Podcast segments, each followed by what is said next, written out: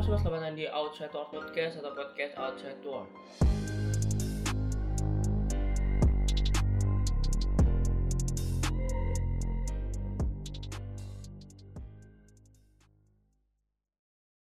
Episode kali ini datang dengan tema indie.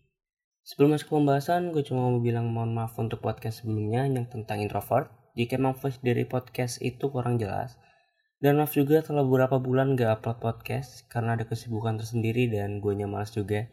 Dan jujur materi indie ini udah ada dua hari setelah gue upload podcast tentang introvert itu.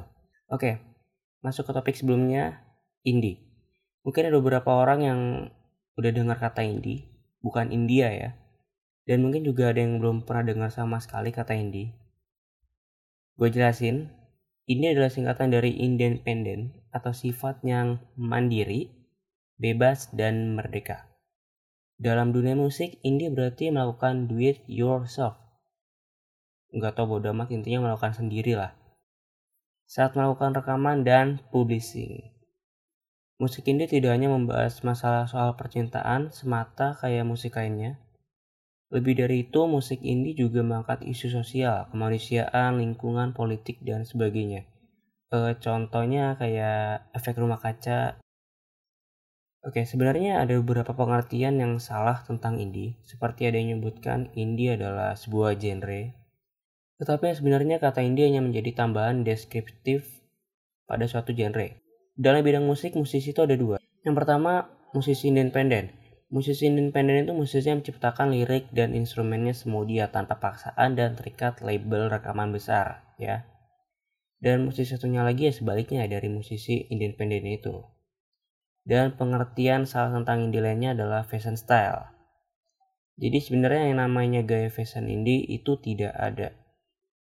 Itu yang mencampur mode mainstream modern dengan yang ada di era 80-an. Pada dasarnya fashion indie itu hanya mengikuti mainstream di tahun 80-an. Walaupun sebenarnya gue nggak tahu dibenarkan atau tidak tentang gaya hidup indie atau menjadi indie, gue akan tetap memberikan tiga cara untuk menjadi indie. Yang pertama memiliki sifat indie. Seperti apa sifat indie itu? Sifat indie itu seperti tidak memperdulikan apa yang dikatakan orang lain.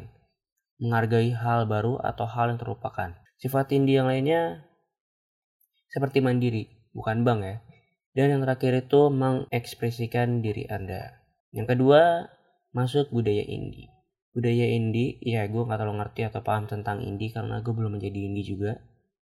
Tetapi dari apa yang gue cari, gue mendapatkan bahwa ketika masuk budaya indie, kita harus memiliki selera yang bagus. Ketika memiliki barang atau membeli barang, carilah yang abadi, bukan sementara. Jadi uh, barang yang bisa digunakan dengan jangka waktu lama, bukan jangka waktu yang sebentar. Uh, yang selanjutnya menyukai musik indie. Kalau kalian gak tahu musik indie seperti apa atau siapa bandnya musik indie, riset sendiri tentang band indie nanti akan muncul uh, beberapa band indie di Indonesia juga ya.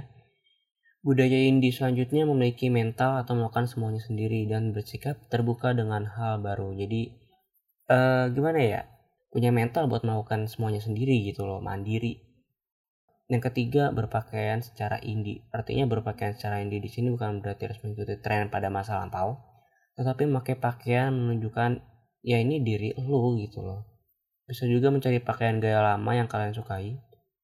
Berpakaian secara indie tidak harus bermerek ya. Selanjutnya, memakai aksesoris dengan buatan sendiri, tapi itu juga tidak diharuskan.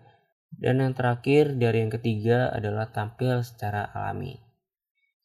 Jadi itu adalah cara untuk kalian yang ingin merubah hidup Anda ya menjadi indie. Menurut gue sih hidup indie itu ada beberapa kemiripan lah dengan hidup minimalis ya sama-sama hidup sederhana sih intinya. Kalau teman kalian ada yang menyukai kopi, senja, puisi, sering pakai tote bag, sepatu sneakers, pakai jaketnya denim, dan kalau pakai meja itu kemejanya flanel, bisa jadi dia itu indie. Gak pasti juga sih, bisa aja dia ikut-ikutan orang lain.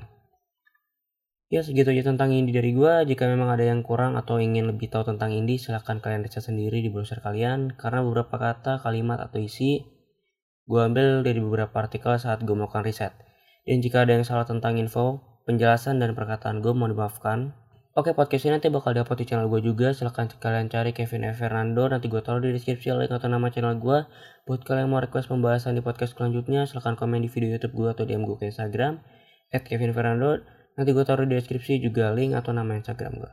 Hitungnya tuh bantu gue memikirkan pembahasan di podcast selanjutnya.